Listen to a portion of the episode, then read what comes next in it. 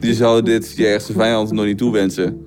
Maar je ziet hier dat heel veel mensen een beetje in hetzelfde schuitje zitten.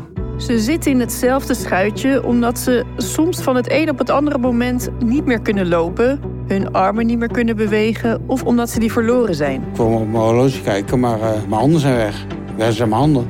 Hier in revalidatiecentrum De Hoogstraat proberen ze er weer bovenop te komen. Ik sta, jongens. Ieder via een eigen weg en met een andere En uitkomst. hopsakee, en ze doet het. Oeps.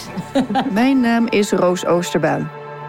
En ik weet hoe het is, want meer dan twintig jaar geleden liep ik zelf een dwarslesie op en revalideerde ik hier ook.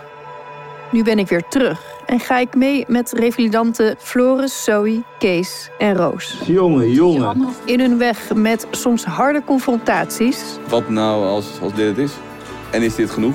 met overwinningen Houding één keer, jongens. en acceptatie. Ik ben er nog. Hoe dat ik eruit zie, plat gezegd, interesseert me niet. Dit is de podcast De Hoogstaat Revalidatie. Verhalen van nu. Wauw, gefeliciteerd. Dankjewel, dankjewel.